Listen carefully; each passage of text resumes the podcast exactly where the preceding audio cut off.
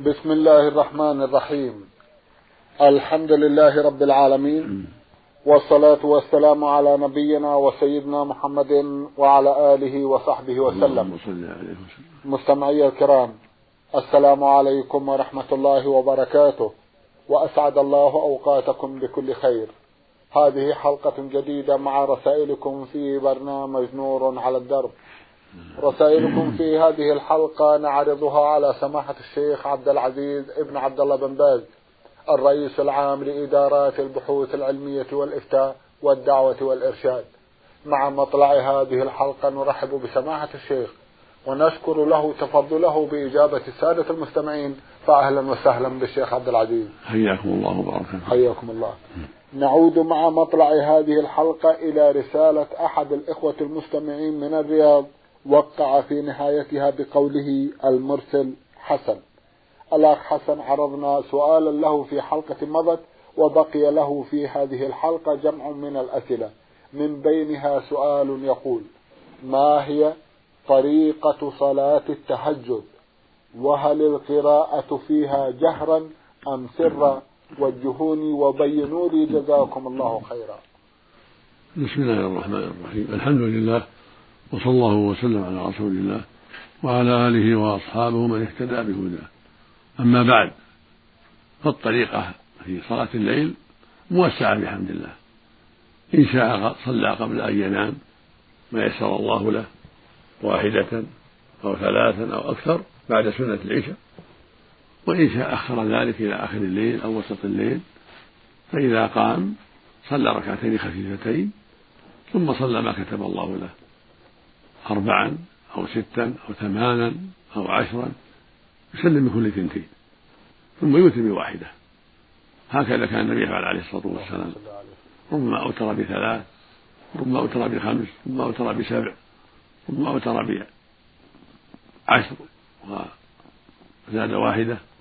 تقول عائشة رضي الله عنها كان عليه الصلاة والسلام يصلي من الليل عشر ركعات يسلم من كل ثنتين ويوتر بواحدة.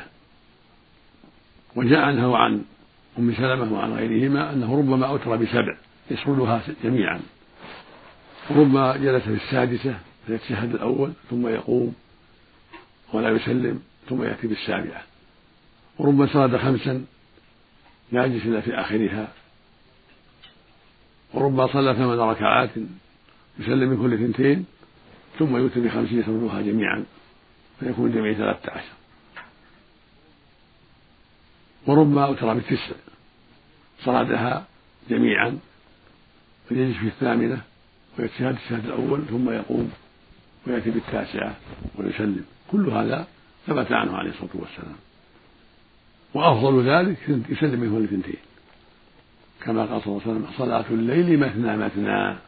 يعني ثنتين ثنتين هذا هو الأفضل. يسلم من كل ثنتين ثم يؤتي بواحدة. هذا هو الأفضل والأكمل. وإذا فعل شيء من الأنواع الأخرى فلا حرج إلا أوتر بواحدة ولم يزد أو بثلاث سلم بثنتين ثم أوتر بواحدة أو سرد الثلاث جميعا ولم يجد إلا في آخرها فلا بأس. أو سلم أو أوتر بخمس يسلم بكل ثنتين ثم يوتر بواحدة فلا بأس. كل هذا أفضل. وإن سرد الخمس جميعا ولم يقعد إلا في الأخيرة فلا بأس. كل هذا بحمد الله من التوسعة. والواجب الخشوع في ذلك يعني لا يطمئن لا يعجل لا ينقرها نقرا بل يطمئن. طمأنينة لابد منها. كل ما زاد في الخشوع فهو أفضل. وهكذا في الترتيب القراءة يرتب القراءة ويخشع فيها ولا يعجل في القراءة. ثم هو مخير إن شاء خفض صوته وإن شاء رفع صوته. النبي صلى الله عليه وسلم ربما رفع وربما خفض هكذا قالت عائشة رضي الله عنها. تارة يخفض صوته وتارة يرفع صوته. فهو مخير. يعمل الأصلح. إن رأى أن خفض صوته أخشع له وأقرب إلى راحته فلا بأس وهو أفضل له. وإن رأى أن رفع صوته أخشع له وأنشط له ورفع صوته. إذا كان لا يؤذي أحدا من الناس لا يشوش على النائمين ولا المصلين ما عنده أحد يشوش عليهم. ويرى أن صوته إذا رفع أنشط له فإنه يرفع صوته. والخلاصة أن يعمل الأفضل ويعمل الأصلح. إن رأى أن الأصلح خفض الصوت خفض وإن رأى أن الأصلح له والأخشى على رفع الصوت رفع. لكن لا يرفع إلا إذا كان لا يؤذي أحدا. أما إذا كان حوله مصلون أو حوله نوام يؤذيهم يأخذ صوته. ويراعي حالهم. نعم. جزاكم الله خيرا. هذا بالنسبة للتهجد في غير رمضان. لكن ماذا عن التهجد في رمضان؟ تبعا في رمضان يرفع صوته في المسجد. في المسجد. إذا كان في المسجد يرفع لا يرفع صوته حتى يسمع الناس طيب. حتى يستفيدوا. طيب. نعم. جزاكم الله خيرا. نعم. إنني أتوضأ دائما لصلاة العصر وأصلي بهذا الوضوء ثلاثة فروض العصر والمغرب والعشاء حيث أن عندي عمل. فهل هذا يجوز دائما؟ لا حرج في ذلك. الحمد لله. إذا توضأ الإنسان العصر ثم صلى بوضوء العصر والمغرب والعشاء فالحمد لله. النبي صلى الله عليه وسلم صلى عدة صلوات عام الفتح بوضوء واحد عليه الصلاة والسلام. وقال عمدا فعلت حتى يعلم الناس أن هذا جائز. لكن إذا جدد للمغرب والعشاء كان أفضل إذا تيسر له ذلك.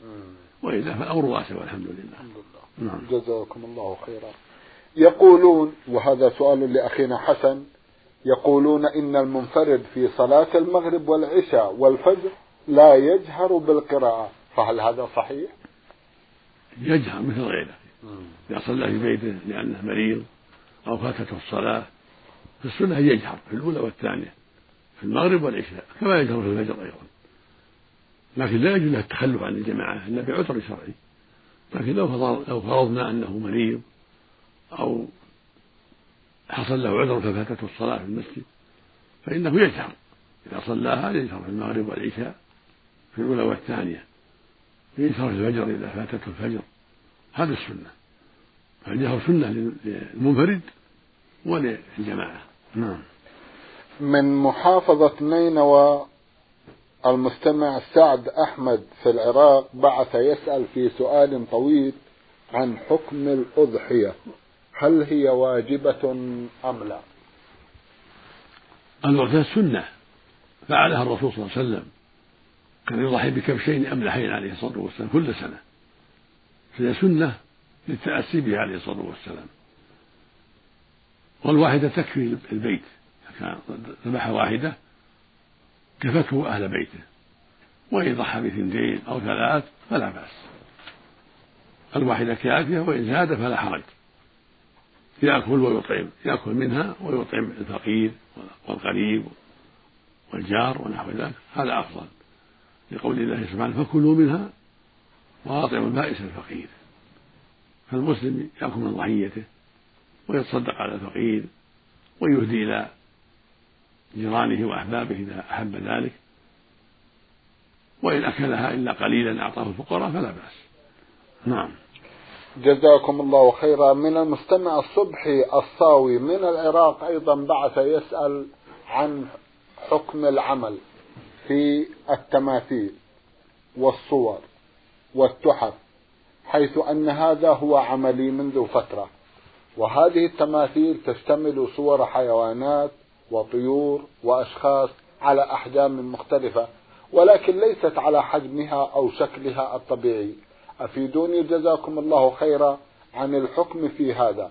وإذا كانت محرمة صناعتها فما الحكم في الأموال التي اكتسبتها في الفترة الماضية علما بأن هذه الأشياء تستخدم للزينة فقط.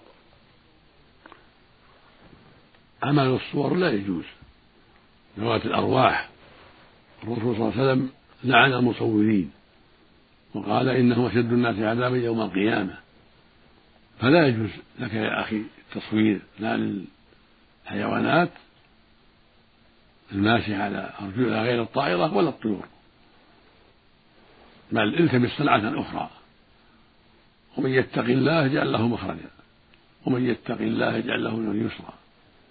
وقد ثبت عنه صلى الله عليه وسلم قال أنه صلى الله عليه وسلم لعن أكل الربا وموكله ولعن الواشمة والمستوشمة ولعن المصور. وقال عليه الصلاة والسلام إن أصحاب هذه الصور يعذبون يوم القيامة. لما رأى عند عائشة سترا رأى عند عائشة سترا فيه تصاوير هتك وغضب عليه الصلاة والسلام وقال إن أصحاب هذه الصور يعذبون يوم القيامة ويقال لهم أحيوا ما خلقتم. فالواجب عليك يا أخي الحذر من هذا العمل. أما الأكساب الماضية إذا كنت جاهلا فنرجو أن يعفو الله عنك. إذا تبت من ذلك نرجو أن يعفو الله عنك. وإذا تصدقت بها أو بشيء منها كان حسنا. أما إن كنت تعلم ذلك ولكن تساهلت فينبغي الصدقة بذلك ينبغي أن تصدق بها على الفقراء أو تصرف في أعمال خيرية كعمارة دورات المياه ونشو أشباه ذلك مما ينفع المسلمين وإصلاح الطرقات وأشباه ذلك مما ينفع المسلمين أو تعطيها الفقراء. أما إذا كنت جاهلا فإنك تتوب إلى الله وتستغفر وتترك العمل في المستقبل ونرجو أن لا يكون عليك شيء. لقول الله سبحانه في المرابين فمن جاءه موعظة من ربه فانتهى فله ما سلف وأمره إلى الله. هكذا قال المرابي سبحانه وتعالى. فمن جاءه موعظة من ربه فانتهى فله ما سلف وأمره إلى الله. فالإنسان إذا عمل ما لا يجوز جهلا منه ثم جاءته موعظة من ربه فانتهى وتاب فله ما سلف. يعفو الله عما سلف سبحانه وتعالى. نعم. جزاكم الله خيرا. مستمع من دولة الكويت هو عين ميم بعث برسالة مطولة بعض الشيء في أحد أسئلتها يقول في سنة ماضية ذهبت إلى الحج وفي اليوم الثاني من أيام التشريق رميت الجمار قبل أذان الظهر بحوالي عشر دقائق. ثم طفت طواف الوداع وسافرت إلى أهلي في الكويت وعاشرت أهلي. وبعد خمسة أشهر ذهبت إلى العمرة واعتمرت ولله الحمد ثم ذبحت فدية ووزعتها على فقراء مكة. وهذه الفدية ذبحتها عن رمي الجمار قبل أذان الظهر بعشر دقائق تقريبا. هل علي فدية أخرى؟ حيث أنني عاشرت زوجتي قبل أن أذبح هذا الفدي. أفيدوني. جزاكم الله خيرا. إذا كنت طفت طواف الإفاضة وحلقت أو قصرت فليس عليك الفدي عن جماعك لزوجتك وإنما الجماع عن ترك الرمي لأنك رميت قبل الزوال فصار رميك كأنه معدوم كأنه لم يوجد فعليك الفدية عن ترك الرمي. وعليك فدية أخرى عن طواف الوداع لأنك أديت طواف الوداع قبل وقته. لأن وقت طواف الوداع بعد الرمي الشرعي. وأنت طفت قبل الرمي الشرعي فعليك فدية أخرى تذبح في مكة للفقراء عن الطواف الذي هو طواف الوداع. وفقنا الله وإياك. اللهم آمين. جزاكم الله خيرا. يقول أيضا رجل في أعمال الحج وبعدما رمى جمرة العقبة وحلق رأسه ذهب ليشتري الهدي ففقدت نقوده قبل أن يشتري الهدي فاستلف من أحد رفاقه نقودا واشترى الهدي وذبحه هل يجزئ هذا الهدي حيث أن نقوده كانت بالاستلام لا حرج نعم يجزي ولا حرج في ذلك والحمد لله. جزاكم الله خيرا. سنة الظهر الراتبة القبلية أربع فهل تكون هذه الركعات الأربع الراتبة قبل صلاة الجمعة أيضا؟ أم هي راتبة للظهر فقط ومتى يكون وقتها وهل في ذلك خلاف؟ نرجو ذكر الراجح مع الدليل. جزاكم الله خيرا. هذه الأربع سنة الظهر. قالت عائشة رضي الله عنها كان النبي صلى الله عليه وسلم لا يدع أربعا قبل الظهر. وهكذا جاء عن أم حبيبة رضي الله عنها. فالسنة السنة للمؤمن والمؤمنة أن يصلي كل منهما أربعا قبل الظهر. راتبة تسليمتين بعد الزوال بعد أذان الظهر يصلي تسليمتين هذا هو الأفضل. وبعدها تسليمة واحدة. وإن صلى بعدها أربعا تسليمتين فهو أكمل وأفضل. لقوله صلى الله عليه وسلم في الحديث الصحيح من حافظ على أربع قبل الظهر وأربع بعدها حرمه الله على النار. أما الراتب التي حافظ عليها النبي صلى الله عليه وسلم فهي ست. أربع قبل الظهر وثنتين بعدها. لكن من زاد ركعتين وصلى أربعا بعد الظهر كان ذلك مزيد خير. كان ذلك مزيد خير وفضل. وأما الجمعة فليس لها راتبة قبلها لكن يصلي المؤمن ما تيسر أربعة أو ست أو ثمان أو أكثر. لقوله صلى الله عليه وسلم إذا أتاته الجمعة من اغتسل ثم أتى الجمعة فصلى ما قدر له ولم يحدد صلى الله عليه وسلم. فصلى ما قدر له. دل ذلك على أن ليس لهذا حد محدود بل يصلي ما قدر الله له ركعتين أو أربع ركعات أو خمس ست ركعات أو ثمان ركعات. لكن السنة يسلم كل اثنتين. لقوله صلى الله عليه وسلم صلاة الليل والنهار مثنى مثنى. هكذا جاء في الرواية. السنن صلاة الليل والنهار زيادة النهار. نعم. وهي رواية جيدة لا بأس بها. تدل على استحباب الصلاة النهارية ثنتين ثنتين كالليل. نعم. جزاكم الله خيرا. هل النزول في الصلاة يكون على الركبتين قبل اليدين أم على اليدين قبل الركبتين؟ أرجو بيان الراجح مع ذكر الدليل. جزاكم الله خيرا. الأفضل أن ينزل على الركبتين إذا كان يستطيع ذلك. على الركبتين ثم اليدين ثم الجبهة والأنف هذا هو الأفضل. لحديث وائل بن حجر وما جاء في معناه. ولحديث أبي هريرة رضي الله عنه عن النبي صلى الله عليه وسلم قال لا يبرك أحدكم كما يبرك البعير.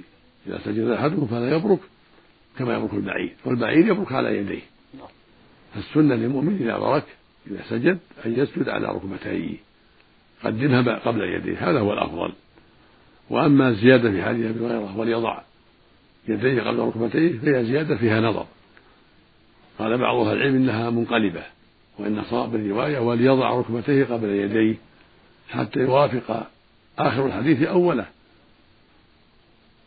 وإن سجد على يديه اعتقادا منه أن هذا هو الأفضل فلا حرج عليه في ذلك. ولكن الأفضل أن يسجد على ركبتيه ثم يديه ثم وجهه هذا هو الأفضل وعند الرافع يرفع وجهه ثم يديه ثم ركبتيه هكذا السنة هذا هو الأفضل إلا من عجز لكبر سنه أو مرض فلا حرج يسجد على يديه فاتقوا الله ما استطعتم. الحمد لله. نعم. جزاكم الله خيرا رسالة وصلت إلى البرنامج من أحد الإخوة المستمعين من السودان رمز إلى اسمه بالحروف خاء عين خاء يقول عن نفسه إنه والحمد لله متمسك بدين الله وبسنة رسول الله صلى الله عليه وسلم ولكنه يوسوس أحيانا في الناس ويداخله الشك في أي إنسان سواء كان خيرا أم شريرا. فهل عليه إثم في هذا؟ وهل هناك من طريقة لإزالته؟ يقول إنه والحمد لله متمسك بدين الله وسنة رسوله صلى الله عليه وسلم. ولكنه يوسوس أحيانا ويداخله الشك في أي إنسان سواء كان خيرا أم شريرا. فهل عليه إثم في هذا؟ وهل هناك من طريقة لإزالة هذا الشك؟ جزاكم الله خيرا.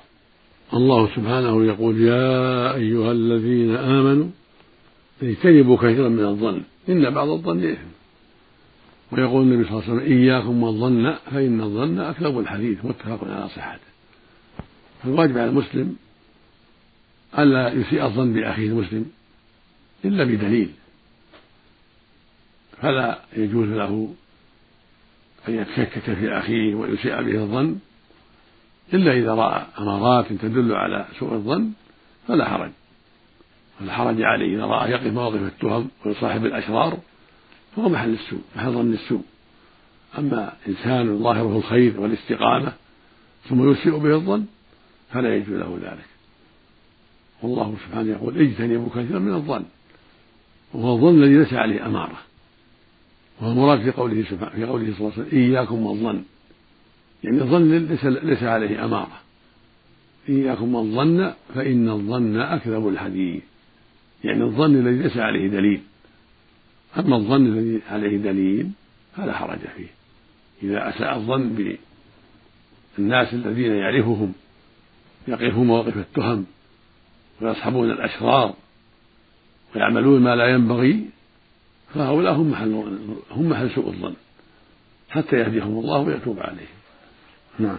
جزاكم الله خيرا. من المستمع محمد محمود أبو الخير من مصر بعث بمجموعة من الأسئلة في أحدها يقول هل يجوز الذبح بأولياء الله الصالحين وإقامة الموالد لهم والطواف حول قبورهم أم لا؟ نرجو الإفادة. جزاكم الله خيرا. التقرب للأولياء والأنبياء بالذبائح والنذور هذا من الشرك الأكبر. وهكذا الاستغاثة بهم والنذر لهم ودعاؤهم بطلب تفريج الكروب أو شفاء المرضى أو صلاح الأولاد أو صلاح المال كل هذا من الشرك الأكبر. وهكذا الطواف بقبورهم يتقرب إليهم بالطواف هذا من الشرك الأكبر. لأن الله يقول سبحانه ادعوني أستجب لكم. ويقول جل وعلا فلا تدعوا مع الله أحدا. ويقول سبحانه إياك نعبد وإياك نستعين. ويقول عز وجل وما أمروا إلا ليعبدوا الله مخلصين له الدين حنفاء. ويقول جل وعلا ولا تدع من دون الله ما لا ينفعك ولا يضرك فإن فعلت فإنك إذا من الظالمين. ويقول صلى الله عليه وسلم ادعو يقول النبي صلى الله عليه وسلم ادعوني. ويقول النبي صلى الله عليه وسلم الدعاء والعبادة الدعاء والعبادة فالذي يدعو الأموات أو الملائكة أو الأنبياء قد عبدهم؟ فلا يجوز للمسلم أن يتقرب الأولياء بالذبائح والنذور أو بالدعاء والاستغاثة أو بالطواف حول قبورهم.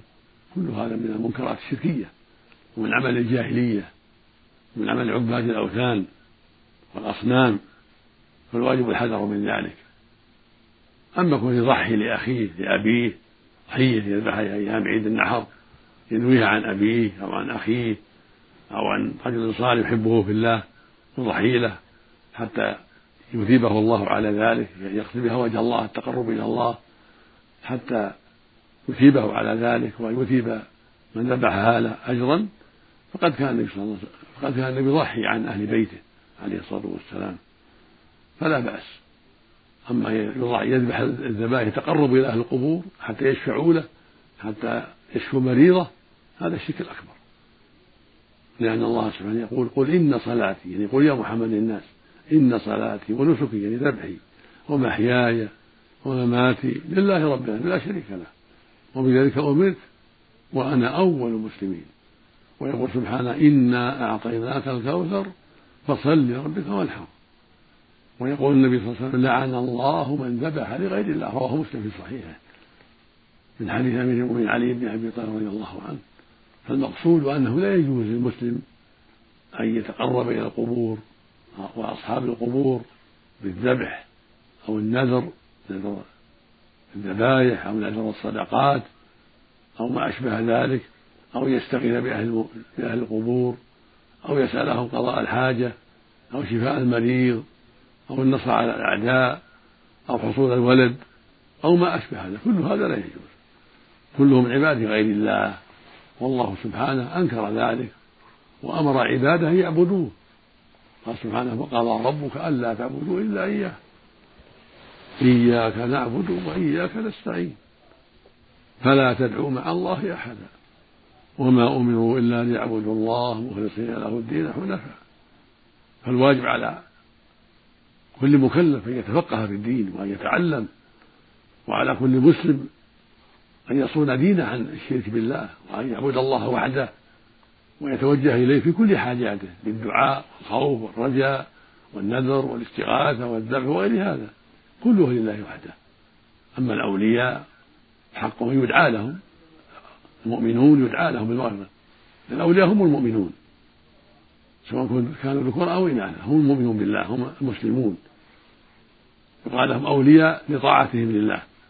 كما قال سبحانه ألا إن أولياء الله لا خوف عليهم ولا هم يحزنون الذين آمنوا وكانوا يتقون.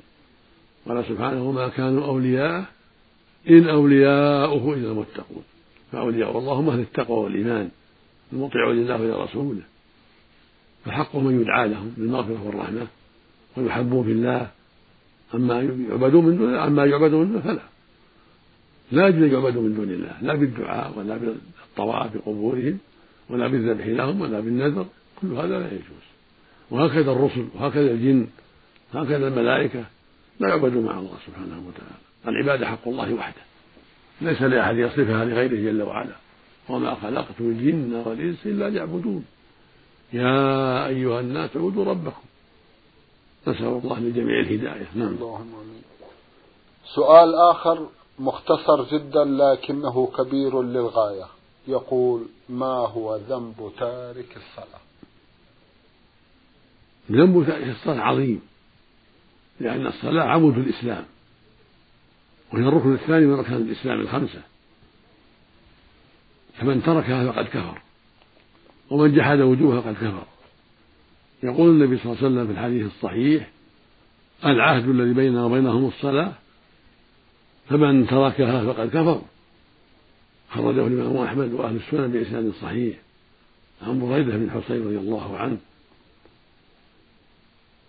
وقال عليه الصلاة والسلام بين الرجل وبين الكفر والشرك ترك الصلاة.